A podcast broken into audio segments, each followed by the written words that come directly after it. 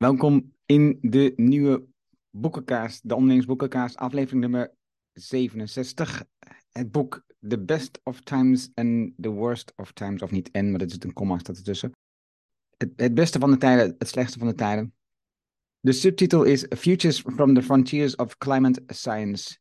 Het boek schreef door Paul Berens. Um, Paul is een professor, associate professor of energy and environmental change aan de Universiteit van Leiden. Hij komt uit um, Nieuw-Zeeland en is sinds 2014 werkzaam in Leiden. En zijn vakgebied is dus ja, de verandering van energie en de, de natuur, de omgeving. Het is een bijzonder boek met uh, veel wetenschappelijke feiten, uh, veel onderzoek, wat hij aanhaalt en gebruikt. En ondanks dat is het toch een redelijk goed leesbaar boek. Wat iedereen gewoon kan lezen. Er zitten heel veel footnotes in. Dus het boek is een totaal uh, ja, 346 bladzijden of zo in totaal. Maar uh, waarvan bijna 100 uh, footnotes zijn.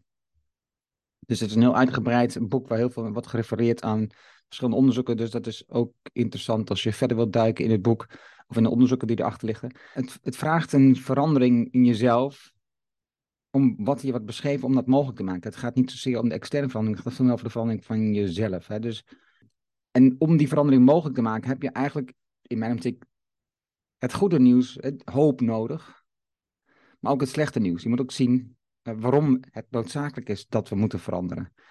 En uh, dat slechte nieuws is natuurlijk niet echt een fijne boodschap. Uh, en het boek staat er vol mee. Maar als we niet het slechte nieuws zien, dan hebben we ook niet tenminste dat is niet wat, wat ik zie in mijn omgeving, niet de noodzaak om te veranderen. We voelen niet dan dat er iets nodig is om te veranderen. En dat voel ik zelf ook alleen al.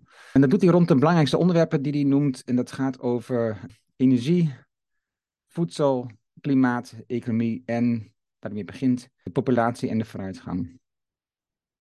En telkens op dat onderwerp schrijft hij dus een pessimistisch deel, dus het deel waarmee je wat met je neus op de feit wordt gedrukt. En een hoopvol deel uh, om te laten zien waar we nu zijn, waar we naartoe zou kunnen groeien met de, nou, met de gegevens, met de onderzoeken die er nu al zijn. De pessimistische kant is, als we niet veranderen, dan gaat het dus deze kant op en wordt het alleen maar erger. En de hoopvolle kant is, als we de signalen die er nu zijn doorvertalen naar de toekomst, dan um, zitten heel veel uh, kansen in. Dus dat is in het kort het boek van mij. Wat, wat vind jij, Tom? Ik vind het ook een goed boek ik vind de opbouw die jij ook net beschreef, uh, vond ik heel goed. Dus inderdaad met die realiteit te beginnen, wat hij dan hier pessimisme noemt en dan hoop.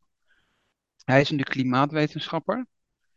Uh, en wat ik wel interessant vind, misschien ook om, om meteen de kern te noemen. Hij zegt op bladzijde 18: We have almost all the solutions we need, but we may not have the time or will to implement, to implement them. To to avoid a global catastrophe.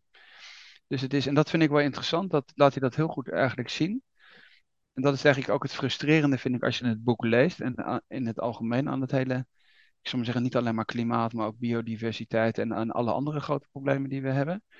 Dat we eigenlijk de kennis en de kunde hebben het op te lossen, maar dat de wil ontbreekt. En dat is, komt dan aan het eind van het boek ook weer terug. Dan noemt hij a scary race between natural en social tipping points.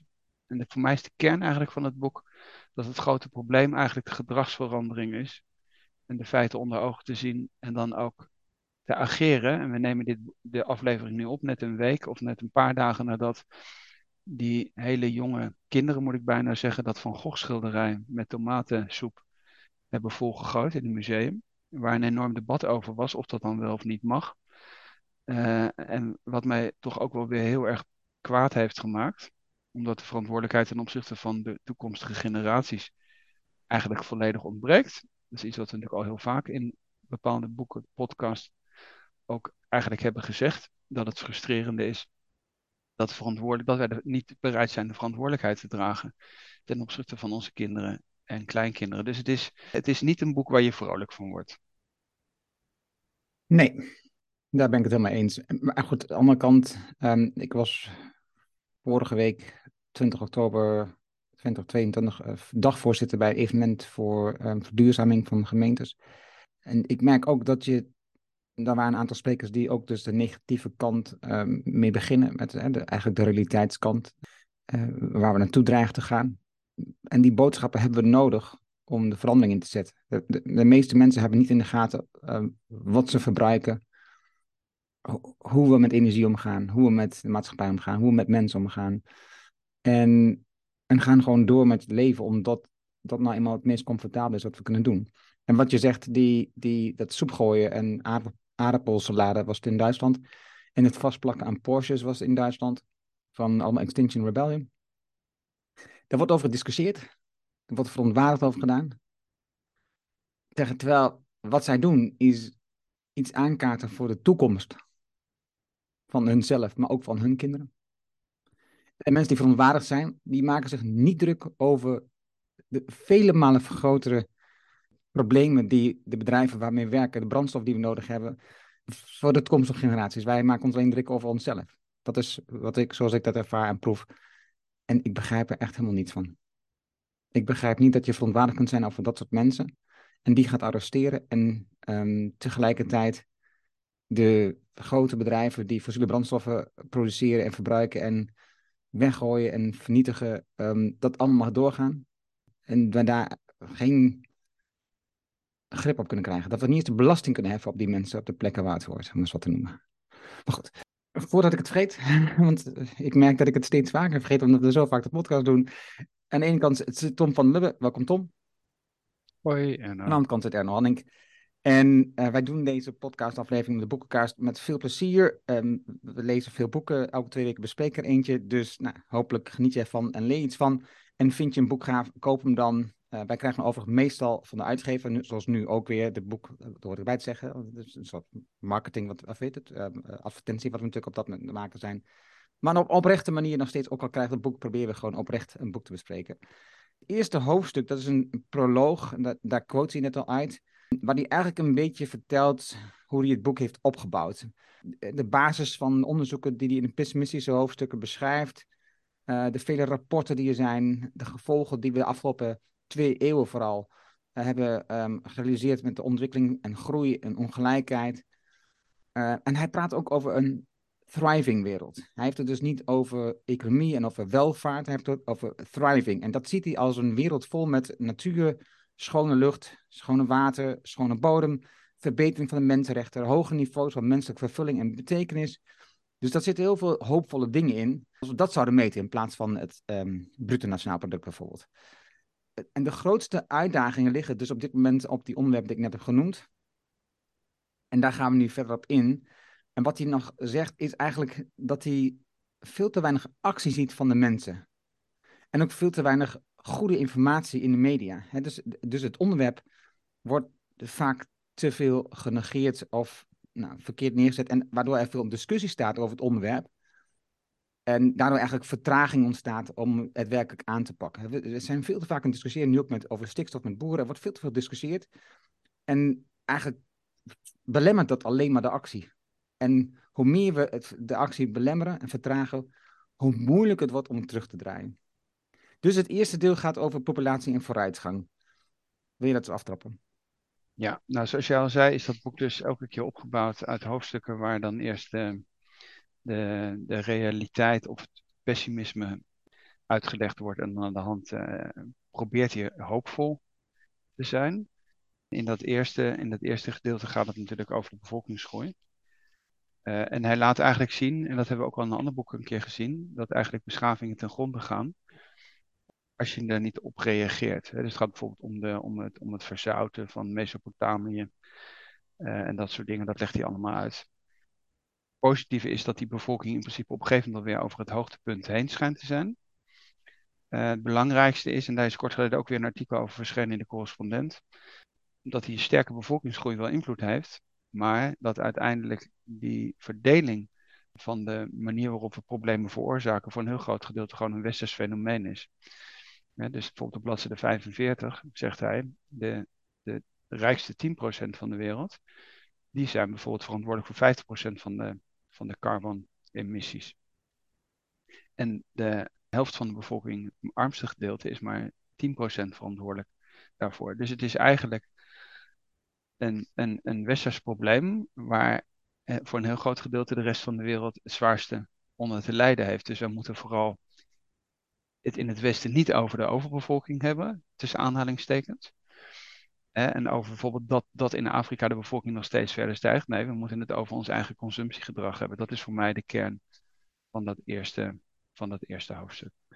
Waarbij hij in het tweede deel, het tweede hoofdstuk, Better Place Than Ever, ingaat over dat dus die bevolkingsgroei aan een eind dat je al beschreef.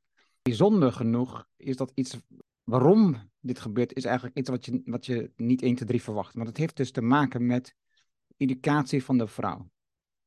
Educatie en autonomie van een vrouw zorgt ervoor dat de gezinsgrootte afneemt. Hoe hoger de vrouwen opgeleid zijn, hoe beter ze kunnen omgaan met verschillende situaties. Krijgen later kinderen. Er is betere gezondheidszorg georganiseerd. Waardoor dus ook de kindersterfte afneemt. En dus, dus het, het feit wat we denken dat arme gezinnen grotere gezinnen hebben, dat is een beeld dat we hebben uit het verleden, dat is niet correct. Zeker niet nu meer. En dus, en dus doordat de ontwikkeling en indicatie van de vrouw toeneemt, zien we dat de bevolkingsgroei langzaam afneemt. En wat je ziet is dat um, door de verandering van het klimaat, we zien het nu gebeuren, ontstaat er steeds meer migratie. Steeds meer volkeren die moeten verhuizen van de plek waar ze wonen, omdat het niet meer leefbaar is. We hebben de signalen gezien dat waarschijnlijk in 2030 er, geen, er niet meer voldoende drinkwater is in Italië en Spanje bijvoorbeeld. Dan denk je, oké, dit komt dichterbij. Maar dit is al lang gaande in verschillende gebieden in de wereld. Um, of extreme weersomstandigheden, of een tekort aan water, of een, gedroogte, waardoor um, uh, er geen gewassen meer groeien. Waardoor die mensen, die bevolking, die dus totaal niet hebben bijgedragen aan die klimaatverandering, zit dat beschrijft, wel nu verantwoordelijk zijn om te verhuizen. En dan komt daar nog bij dat wij dus niet die mensen willen opvangen. Dus we hebben een probleem veroorzaakt. We willen het niet oplossen lokaal, maar we willen het ook niet oplossen als ze hierin komen. Waarin ook nog een beeld schetst in dit hoofdstuk, dat um, stel dat die mensen naar hier komen, dat eigenlijk um, over het algemeen dus de economie toeneemt. Het is niet zo dat op het moment als die mensen hierin komen, dat het met ons slechter gaat. Nee, sterker nog, het gaat eigenlijk op dat moment beter met ons. Allemaal signalen die je in de media niet of nauwelijks te horen krijgt. Uh, waar hij het ook nog heeft over het minimumbedrag waar uh, mensen van moeten leven. De VN, en dat zie je ook terugkomen in de SDG's, de Sustainable Development Goals, is 1,90 dollar. Wat het bedrag wel zou moeten zijn, daar zijn de onderzoekers niet over eens. Maar één ding zijn ze het wel over eens, die 1,90 dollar, dat is niet voldoende. Dat is niet een correct bedrag om te zeggen dat dat het minimumloon zou moeten, of nieuwe uh, minimum dagelijks inkomen zou moeten zijn. Dat moet echt hoger zijn. En, en dus, dus we zeggen wel dat, een, dat, hè, dat er een toename is van mensen wat niet meer alleen in armoede leeft, maar in principe leeft nog in armoede, alleen op een grens die wij vanuit de West bepaald hebben, dat dat voldoende is voor de mensen, terwijl wij er zelf gewoon compleet niet van zouden kunnen leven. En dus ondanks dat dit een hoofdstuk van hoop is, zit er ook heel veel kritische noot in, viel me op in dit stuk. Oké, energie. Tweede hoofdstuk? Ja. Ik wilde zelf eigenlijk over energie niet zo heel veel zeggen, omdat dat eigenlijk wel iets is wat, denk ik, inmiddels wel uh, bekend is. Dus de hele discussie over fossil fuel, et cetera. Zeker in Nederland ook met Urgenda. Uh, en we hebben het ook al een paar keer behandeld. En wat denk ik ook wel relevant in dit boek is, misschien dat wel even aanvullend met betrekking tot het energiehoofdstuk. En ik vind dat hij dat heel goed doet. Hij zegt van oké, ook al zou je bijvoorbeeld klimaatontkenner zijn, er zijn nog een hele hoop andere crisis die daar ook mee te maken hebben, zoals uh, biodiversiteitscrisis en water en weet ik veel wat allemaal. Dus, en die dingen allemaal, hangen, hangen allemaal met elkaar samen. Dus hij, hij heeft geen geïsoleerde aanpak. En zegt van ja, nee, alleen maar fossil fuel, alleen maar dit. Nee, hij zegt uiteindelijk hebben we een, hebben een, systeemcrisis van een hele hoop dingen die met elkaar te maken hebben. Aan, ook aan elkaar gekoppeld zijn, die je ook niet kunt ontkoppelen. En dat uiteindelijk tot een soort kollaps zal leiden. Dus, beste mensen, ontkennen schieten we helemaal niks meer op. Want ook al zou je klimaatcrisis ontkennen, heb je nog steeds een hele hoop andere crisis als biodiversiteit. Ik, vind dat dat, ik vond dat sterk, zoals hij dat deed. Ja, en voor de rest zit er natuurlijk heel veel data in. Dus voor mensen die.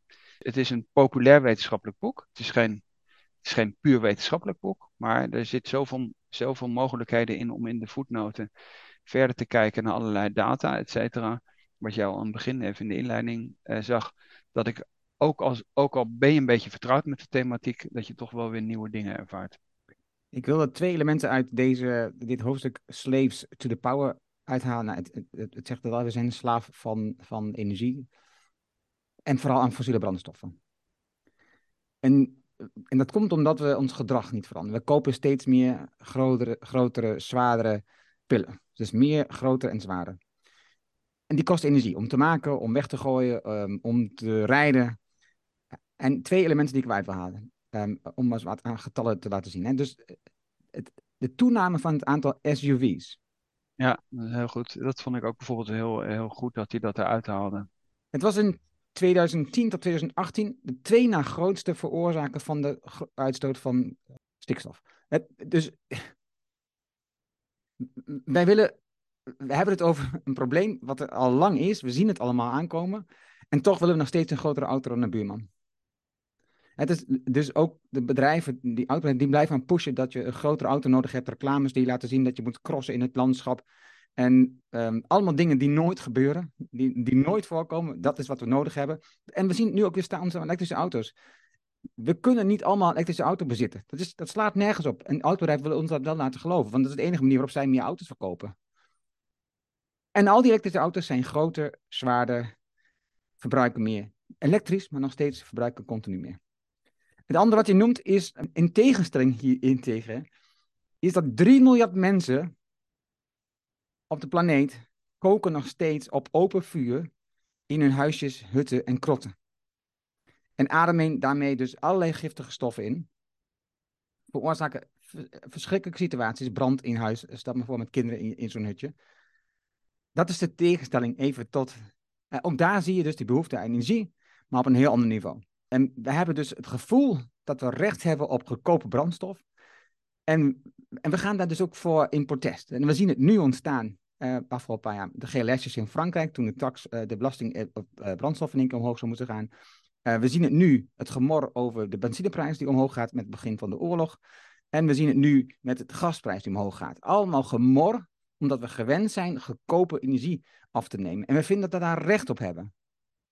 Terwijl er 3 miljard mensen op de wereld zijn die nog steeds stoken en koken op open vuur en daar allerlei gezondheidsrisico's mee lopen. Wat zijn we aan het doen? Over gedragsverandering gesproken wat jij aan het begin noemde. Uh, dat is op bladzijde 76 waar dat voorbeeld, ik had het ook aangekruist van die SUV's. Wat, wat ik, en dan ga ik toch ook eh, feedback geven op het boek of een, een stukje kritiek geven. Ik had het wel zinvol gevonden als je uitgesplitst had in dit soort discussies wat, wat echt een impact is op het leven. Dat je zegt van nou, dat is wel heel, uh, dat is wel heel lastig. En wat eigenlijk, wat eigenlijk geen impact maakt. Dus bijvoorbeeld SUV's vind ik wat dat betreft het schoolvoorbeeld. Je kunt best van A naar B rijden. Uh, alleen waarom moet, dat, waarom moet dat in een auto zijn die nog veel meer verbruikt dan dat het in het verleden het geval is? Nou, op social media heb je soms van die plaatjes dat men laat zien dat eigenlijk alles kleiner is geworden. Hè, noem wat telefoon als voorbeeld. En dan heb je de auto's, die worden, zijn alleen maar groter en zwaarder geworden. En dit is nou denk ik juist een voorbeeld waar eigenlijk de, de gemiddelde burger eigenlijk wel zou verwachten dat de overheid daar ingrijpt en zegt van vanaf een bepaald aantal kilo's of tonnen mogen auto's helemaal niet geproduceerd worden. Ze mogen helemaal geen verbruik hebben. Dat zou je heel makkelijk kunnen reguleren. Dus ik denk bij die hele klimaatdiscussie dat je veel meer zou moeten uitsplissen wat, wat heeft überhaupt, wat veroorzaakt eigenlijk hoeveel? Dus dat gebeurt hier wel. En wat zou je heel makkelijk kunnen wegstrepen zonder dat je er heel erg onder lijdt? En dat is dat voorbeeld van het vliegen, wat we in dat boek van Ties Joosten besproken hebben ook. Het is voor mij een absoluut raadsel. Het kan zijn dat ik er overheen heb gelezen. Dat bijvoorbeeld korte afstandsvluchten niet gewoon verboden worden. Omdat het, er zit helemaal geen gewin in. Waarom kun je nog steeds met de KLM van Amsterdam naar Brussel vliegen of naar Parijs? Waarom wordt dat niet gewoon verboden? Verder in het boek is dit wel weer een voorbeeld, ik weet niet precies in welk hoofdstuk dat is, dat hij zegt van ja, er is genoeg onderzoek naar gedaan, we hebben het ook al vaker genoemd, dat je maar 3,5% van de volledige bevolking nodig hebt om die transitie in beweging te brengen. Dus ik, ik vind eerlijk gezegd dat actionisme of het actionisme zal moeten leiden tot het ingrijpen van de overheid. En de overheid zou het makkelijkst kunnen ingrijpen bij dingen waarvan iedereen begrijpt, ja nee, maar dat is eigenlijk ook totaal ongelooflijk dat we dat niet al lang hebben, hebben verboden. Uh, ik, denk, ik denk niet dat, dat er iemand tegen zal zijn als de overheid besluit dat je niet meer kunt vliegen. Behalve natuurlijk KLM en um, autobedrijven die grote auto's produceren. Ja, maar ik denk dat het als je heel specifiek daaruit haalt en zegt van wij hebben als overheid besloten dat je onder de, ik zou maar zeggen, 600 kilometer niet meer mag vliegen, want daar is, daar is, daar is treinreizen sowieso sneller. Ik kan me niet voorstellen dat dat een heel groot probleem is. Als je zegt van ja, je mag niet meer naar Amerika vliegen, dat is lastig. Want dan gaan de mensen zeggen, ja, moet ik met een boot er naartoe? Mijn kinderen wonen daar, et cetera. Dus ik denk dat je, dat je veel meer moet kijken, oké, waar heb je nou relatief snel heel groot draagvlak voor? En waar is het veel veel moeilijker? En dan begin je met de makkelijke dingen, low hanging fruit zou je zeggen. Dat is, daar begin je mee. En dat, dat is wat ik wel een beetje, wat ik een beetje mis, omdat als je alles op één grote hoop gooit, en dat is bij het volgende voorbeeld van, van food bijvoorbeeld ook, uh, misschien om meteen de brug te maken. Het is natuurlijk, als jij, als jij een kantoorbaan hebt, en je, dan kun je zeggen, en je woont in Amsterdam, dan kun je heel, dan heb je het over allemaal havermelk, cappuccino's drinken en uh, avocado op je boterham smeren, et cetera. Alleen als jij bouwvakker bent en je hebt voor de rest hele, een hele lage CO2 footprint en je wil graag een biefstuk eten, dan moet je met die discussies, vind ik, wel oppassen. Omdat je heel snel polarisatie gaat krijgen. Begrijp het punt wel wat gemaakt wordt. Alleen de vraag is, waar krijg je relatief snel een groot maatschappelijk draagvlak om ook relatief snel de stappen te kunnen zetten. En dat je niet, dat je niet het gevaar loopt dat snel discussies in een populistisch vaarwater belanden wat je, wat je op dit moment in de energiediscussie ziet, wat je bij discussie over uh, vlees, et cetera, ziet. Kijk maar naar Trump, eh, maar ook allerlei tendensen in Europa. Dus ja, ik denk dat we daar rekening mee moeten houden, omdat we natuurlijk toch een beetje in een intellectuele bubbel zitten als we dit soort, soort thema's bespreken. Ja, ik denk dat we hierin toch de kracht zien van het uh, lobbyisme. Laten we naar Engeland kijken. Premier is net opgestapt, Truss die enorm pro-multinationals was, uh, opgevoed door multinationals en dat alleen maar wil ondersteunen. Nu hebben zij een Indiase niet-blanke man als minister, als pre uh, premier gekozen, maar wel de rijkste man van Engeland. Of nee, niet de rijkste man, de rijkste man in het parlement. We hebben het al eerder over gehad. Dit soort mensen, intellectueel, veel geld, zijn niet meer in staat om zich te verplaatsen in de mensen die dat geld niet hebben. Dat is een ontgaan, een bepaald moment gewoon. Omdat je zo in je eigen bubbel zit dat je niet meer inziet wat er gebeurt. Als, als, dat, als, hij, als je bijvoorbeeld, zoals de premier van Frankrijk, de BTW op brandstof gaat volgen en daarmee iedereen die moet reizen met de auto, um, het niet meer kan betalen voor hun werk en hun levensonderhoud. Ja, dan krijg je dus opstand. Ja. Kan niet anders. Hij noemt, het, hij noemt het dus wel. Hij noemt dus wel die gele hesjes. En daarom vind ik het eigenlijk interessant. En je hebt bijvoorbeeld in Nederland heb je dat voorbeeld gehad met Rotterdam, waar mensen met oude auto's de stad niet mee in mochten. En tegelijkertijd werden de havenkades werden gerenoveerd, zodat de cruiseschepen daar konden aanleggen. Die, weet ik veel wat, ik, noem wel, ik, ik ben geen, geen klimaatspecialist, maar ik zou maar zeggen dat, dat dat aantal liters olie wat cruiseschepen verbruiken, dat is zo absurd hoog. En ik denk, dat we, ik denk dat we daar echt moeten oppassen, omdat het populisme is heel gevaarlijk. Zo'n samenleving die breekt uit elkaar. Binnen de kortste keren heb je, hè, gele hesjes wordt hier genoemd. Maar je ziet het in Amerika met Trump, eh, het Witte Huis wat bestormd wordt, et cetera. Dus ik denk dat we misschien eerst eens moeten nadenken of we bijvoorbeeld het landen van privéjets, ik zeg het maar even provocatief, op Schiphol moeten verbieden. Voordat we, voordat we een bouwvakker die graag een biefstuk eet, en, en in de zomer graag zijn biefstuk op een grill legt, zeggen dat hij vegetariër moet worden. Dus ik, ik, ik begrijp dat allemaal. En als ik de hele dag achter een laptop zit, dan is het helemaal niet zo moeilijk om, om boterhammen met avocado te eten. En ik eet ook heel weinig vlees. Maar ik denk, ik denk dat we echt een beetje moeten opletten dat we, dat we misschien eerst die privéjets pakken. En, en, uh, en nadenken of we cruiseschepen laten aanleggen voordat we de bouwvakker zijn biefstuk wegnemen. Ja, dus, dus de belangrijkste conclusie uit het hoofdstuk van voedsel is dat we steeds meer plantaardig moeten gaan eten, zullen gaan eten. Uh, de trend zie je um, in de westerse maatschappij, maar in de wereld, want in China bijvoorbeeld neemt de, de afname van vlees um, enorm toe. Het is een soort welvaartsproduct En zij zien nu dit als de volgende stap in hun welvaart, in het recht wat ze hebben om, om dat deel ook op te nemen. Dus de productie tussen quotes, want ik vind het nog steeds verschrikkelijk als je praat over productie en je praat over dierlijk voedsel, het neemt nog steeds toe. Dus de gemiddelde hoeveelheid kilo vlees die wij als mens op de wereld eten, neemt nog steeds toe. Ondanks dat we in de westerse wereld steeds meer denken dat we steeds plantaardig aan het eten zijn. Um, inclusief die avocados die enorm veel water kosten. En ik eet ook een avocado voor duidelijkheid. Het is, een, het is overigens geen, geen dit is een, een van de minst, zeg maar, hoofdstukken waar de minste pagina aan besteed is, wat dat betreft. Uh... Ja, wat, misschien, wat ik misschien nog wel wil toevoegen is, je kunt natuurlijk wel, en dat heeft hij bijvoorbeeld goed gezegd, dat bijvoorbeeld een verandering van een dieet, dat is op bladzijde 135, best mogelijk is. Ik denk bijvoorbeeld dat een heel goed voorbeeld zou zijn als je bijvoorbeeld het dieet, het eten op school, waar natuurlijk ook een discussie over is, omdat zoveel kinderen naar school gaan zonder dat ze thuis fatsoenlijk gegeten hebben. Als je nou zou zeggen, weet je wat, je, je begint bij die volgende generatie van die kinderen en je zou bijvoorbeeld op de scholen allemaal vegetarische maaltijden aanbieden. Dan heb je in principe een lange termijn doel. Heb je twee dingen met elkaar gecombineerd. Je hebt een transitie heb je gemaakt, omdat het smaak, smaak kun je ontwikkelen. En afhankelijk van wat je, wat je gewend bent, uh, uh, ja, is ook je, je voedselpatroon naar de hand. Dat zou een hele goede constructieve oplossing zijn. Omdat je mensen, mensen iets weg te nemen waar ze heel erg aan gehecht zijn, is veel moeilijker dan kinderen iets te geven die op dit moment, ik zal maar zeggen, met een lege buik naar school gaan en niet ontbeten hebben. Dus ik, ik ben heel erg op zoek naar wat zijn nou constructieve dingen zodat, je, zodat het populisme wat sowieso al erg, op, op, uh, erg toeneemt, dat je daar nog niet meer olie op het vuur gooit.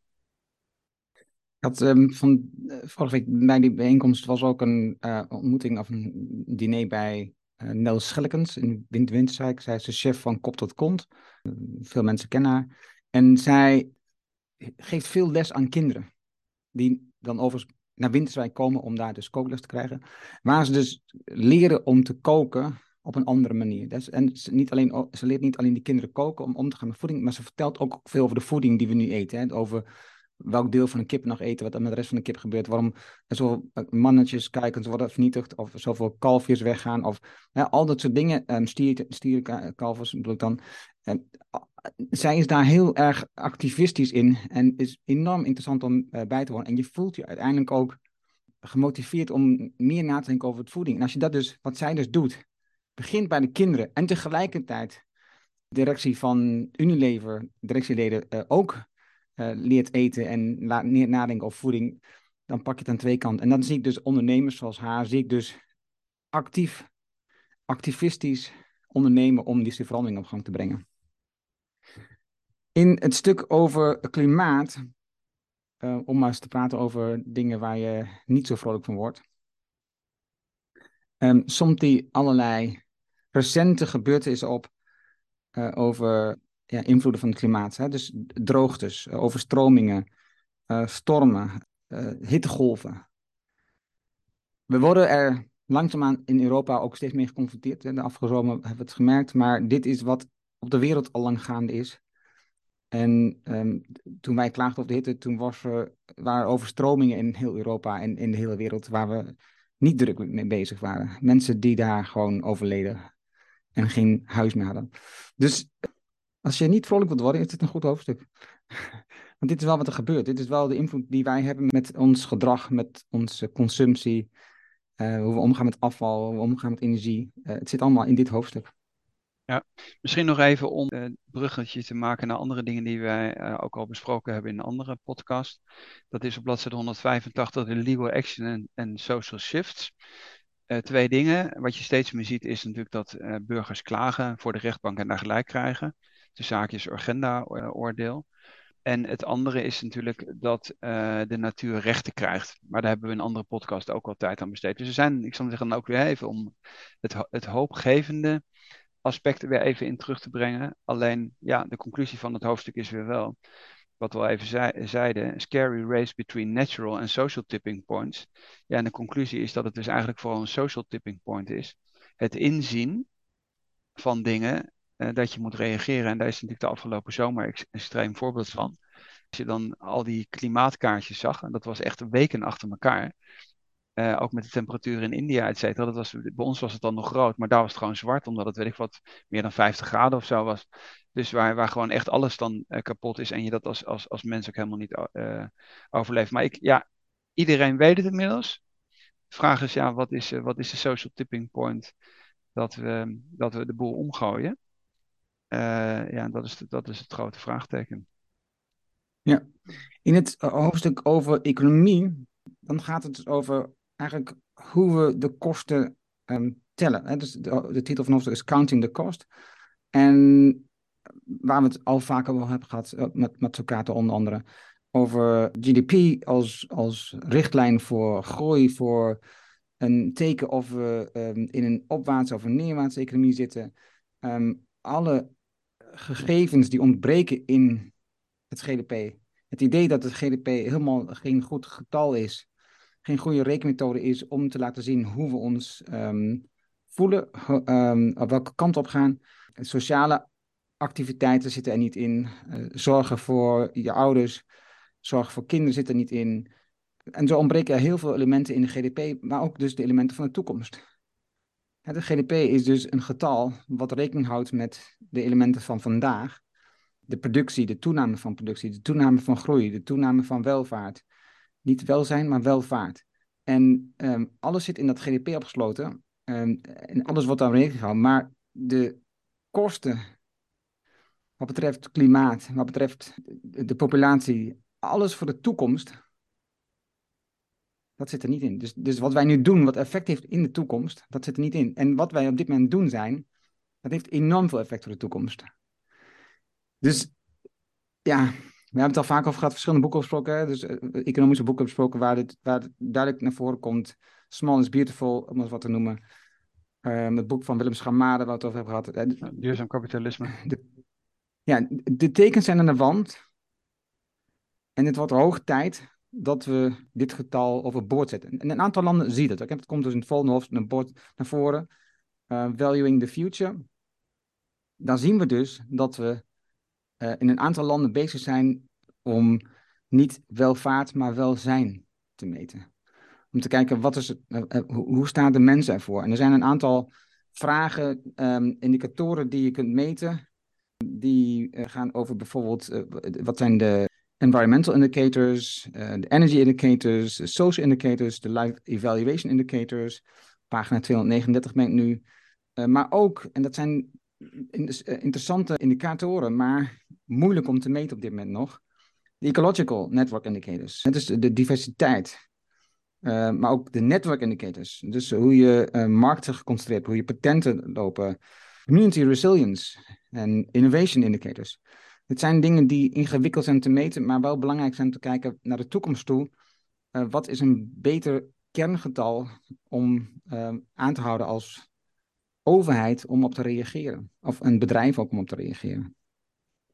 Nou, voor de mensen die dat interessant vinden, uh, toch nog even expliciete verwijzing naar het boek Duurzaam Kapitalisme van Willem Schamade. Omdat daar eigenlijk in dat hele boek dat eigenlijk uitgediept wordt en ook heel constructief uh, voorstellen worden gedaan. Hoe je dat heel systematisch zou kunnen opbouwen. En dan is weer de vraag natuurlijk, ja, waarom gebeurt dat dan niet als eigenlijk iedereen het erover eens is dat het GDP uh, eh, geen, geen goede graadmeter is, zelfs contraproductief is. Paul Berens, die citeert zelfs het IMF waarvan die zegt van ja, dat is nou niet de meest linkse organisatie op deze wereld, die eigenlijk ook al van mening is dat, het eigenlijk, uh, dat het GDP niet meer zinvol is. Dus de vraag is van ja, waarom, waarom zou je dat eigenlijk niet kunnen veranderen? En een positief voorbeeld wat hij bijvoorbeeld ergens anders wel noemt, is dat, dat, dat Montreal-akkoord, waar we die vloeistoffen die in koelkasten zitten, ik ben even de naam kwijt, hebben, hebben weten te verbieden. Dus waarom zou je niet op G, weet ik veel wat, op IMF niveau uh, gewoon eens kunnen zeggen van hier, laat je ze misschien parallel lopen. Dus het weer een beetje hetzelfde wat ik net ook zei. In plaats van dat we zeggen, oké, dit is fout, we doen dat niet meer. Zet wat mij betreft gewoon de, de andere indicator daarnaast, laat ze parallel lopen, zodat mensen daaraan wennen. Omdat het, omdat het natuurlijk ook logisch is dat als de hele wereld in GDP nog steeds denkt, dat het best wel lastig is. Als jij zegt van ja, maar dat getal is niet goed, schaf het af, kom een ander. Dat is moeilijker dan te zeggen van zet die nou er gewoon naast dus, dat is, dus ik zou ervoor pleiten, zet het er gewoon naast en probeer meer aandacht voor het alternatief te creëren. Uh, zonder dat je er een soort uh, wel eens niet eens discussie van maakt. Nou, dat is natuurlijk ook iets wat je kunt doen als ondernemer. Uh, het is de ondernemersboekenkaart. Ondernemer kun je de winst meetbaar maken. En dat moet. Dat hebben we nodig voor de belasting, voor de overheid en weet ik dan wat. Het is, dat is noodzakelijk, dat getal kunnen die onderuit. En dat communiceren we ook met onze werknemers, met onze stakeholders. Maar waarom zouden we ook niet andere getallen communiceren? Hoe is het gesteld met de gezondheid van onze medewerkers? Hoe is het gesteld met de ontwikkeling, met de opleidingsgraad van onze werknemers? Hoe is het gesteld met hun gezinnen? Ik moet nog denken aan, uh, ik weet niet welk boek dat was, maar volgens mij uh, van Tony Shea, dat het over ging over hoeveel uh, de toename was van hoeveel mensen um, gingen trouwen. Nee, dat was, oh, ik weet het alweer. Niet zo goed voorbeeld. ik weet het alweer. Zo'n zo'n financieel bedrijf die uh, het minimumloon had verhoogd naar 75.000 dollar, waarbij een toename was van het aantal kinderen in het bedrijf, toename was van het aantal huwelijken in het bedrijf. Maar goed, ondertussen is ook die um, CEO niet de beste CEO gebleken. Dus niet zo goed voorbeeld. Maar, je kunt, maar je kunt bijvoorbeeld, wat wel gebeurt, is dat bijvoorbeeld allerlei, uh, om dat voorbeeld even op te nemen, je kunt best, je kunt best in je jaarverslag, hè, voor de beursgenoteerde bedrijven, daar gewoon een extra verslag aan koppelen. Of je kunt iets zeggen over je CO2-uitstoot. Of je kunt, ik noem maar wat, het gaat er, niet, gaat er niet even om ons bedrijf, want we zijn een heel klein bedrijf met 70 mensen, we hebben geen bedrijfsauto's.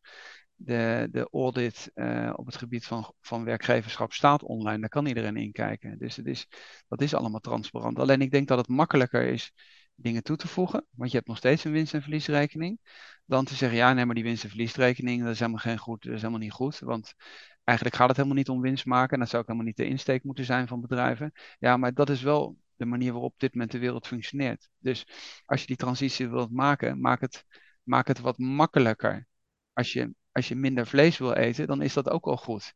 Dan eet, ik noem maar wat, één of twee keer per week vlees in plaats van vijf of zeven keer per week. Dat zou ook al, dat zou ook al immens helpen.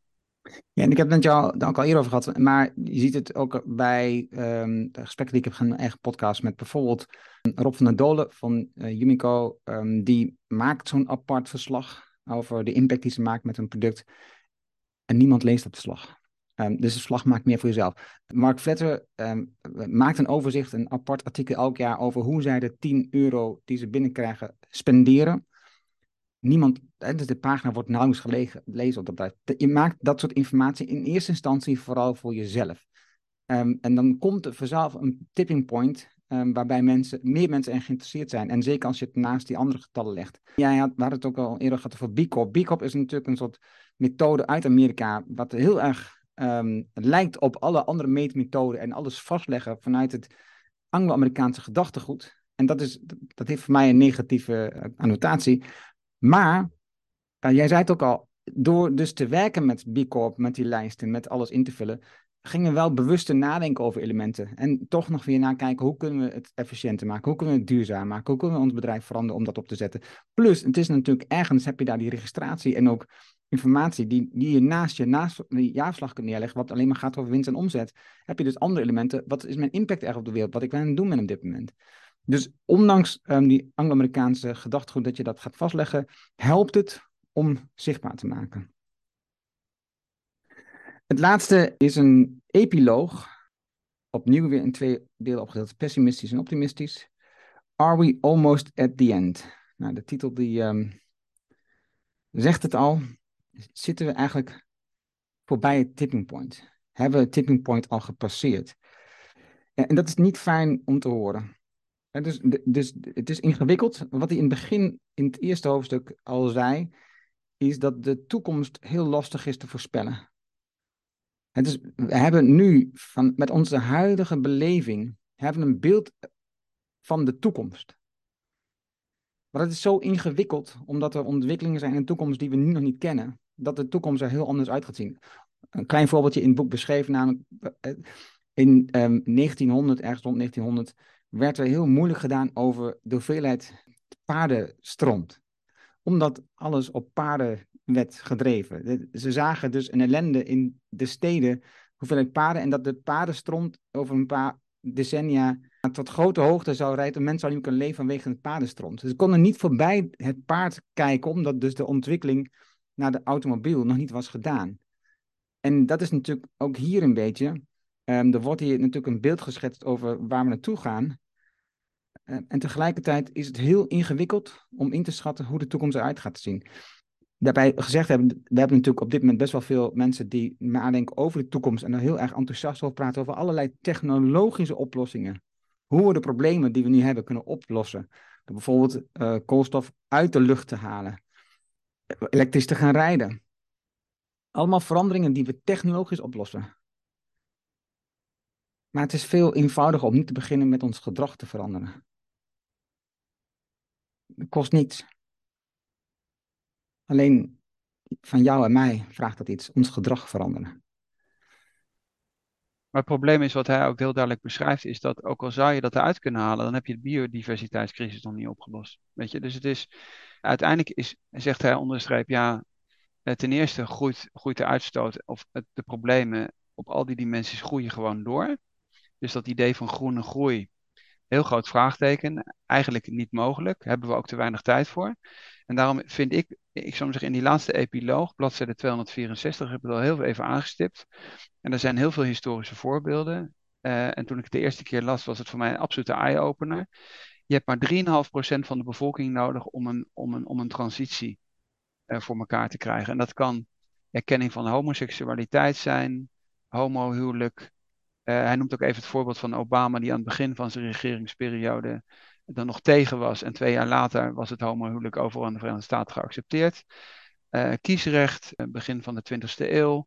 Sociale zekerheid, verbod op kinderarbeid, afschaffing van slavernij. Een hele hoop andere boeken hebben dat ook al vaak genoemd. Dus ik denk, als er überhaupt al een hoopvolle boodschap in zit, dat boek, dan zijn er een aantal initiatieven. Hij noemt ze ook even: Extinct Rebellion, Greta Thunberg, et cetera, et cetera. Agenda in Nederland zou je kunnen noemen. Of ook uh, het activisme van Follow This tegen, tegen Shell. We hebben eigenlijk maar heel weinig mensen nodig om de boel te kantelen. Om even in Rotmans uh, terminologie te praten. Dus, en dat zou mijn grote appel zijn. Laten we nou eens met z'n allen kijken dat we een hele grote meerderheid, meer dan die 3,5% kunnen activeren. Die juist, juist die thema's eruit halen waar we het eigenlijk allemaal heel erg met elkaar eens zijn. Dat zou bijvoorbeeld kunnen zijn halveren van Schiphol. Het verhogen van start- en, en landingseuro's. Omdat iedereen wel begrijpt dat voor 50 euro naar Barcelona vliegen, dat dat niet de bedoeling kan zijn. Dus neem iets waar 80% van de bevolking achter je staat. En dan denk ik dat je meer dan 3,5% relatief snel bij elkaar krijgt. En dat zou dan het beslissende element kunnen zijn om de boel te kantelen. Het boek is, wat we aan het begin hebben gezegd, al geschreven op een manier dat je het eenvoudig kunt lezen. Er zit veel onderzoek in, heel veel onderzoek waar je ook in de verdiepingen kunt gaan. Er zitten heel vaak elementen in genoemd die verrassend zijn, waardoor je denkt, is dat het al? Of zijn, of zijn die opties er al? Of is dat gebeurd in het verleden? Zijn we, staan we daarom nu hier? En, en dat is ja, natuurlijk interessant als een boek, dat, je, dat het gaat vanuit onderzoek, dat je wetenschap, dat het de praktijk is, hoe het is. Waardoor je in mijn optiek dus ook wat meer voeding hebt, of, of, of kennis hebt, of inzichten hebt om je te verdedigen tegen de polarisatie. Dus door een partij die heel gemakkelijk of de veel te zonnige toekomst laten zien, die um, niet, als je hem doorrekent, niet uit kan. Of de andere kant, bijvoorbeeld, die uh, heel erg negatief doen over migratie, of nu uh, de homo. Alles wat wordt gedaan kun je daardoor beter over nadenken en zelf kritisch op zijn, in plaats van dat je de uiterste volgt. Want die uiterste volgen, dat zorgt alleen maar voor verlamming, voor discussies en geen verandering. Niks aan toe te voegen, Erno. Dan was dat hem. Het was me genoegen. Dankjewel, Paul Berends, voor het schrijven van dit boek. Eh, als het goed is, tegen de tijd dat, dit, dat deze aflevering online is, heb ik ook een gesprek gehad met Paul Berends in de Decide for Impact podcast. Uh, ik zal de link dan op dat moment ook toevoegen aan dit artikel, dus dan kun je dat ook luisteren. Om het van de auteur zelf te horen, zal ik me ook nog wat van die kritische vragen stellen. Waarom niet iets meer makkelijke voorbeeld gekozen als een soort initiator om die 3,5% op gang te krijgen. En dan dank je ik je wel voor het luisteren en hopelijk uh, hoor je weer weer, of hoor je ons weer in de volgende aflevering. Dankjewel Tom. Dankjewel Erno.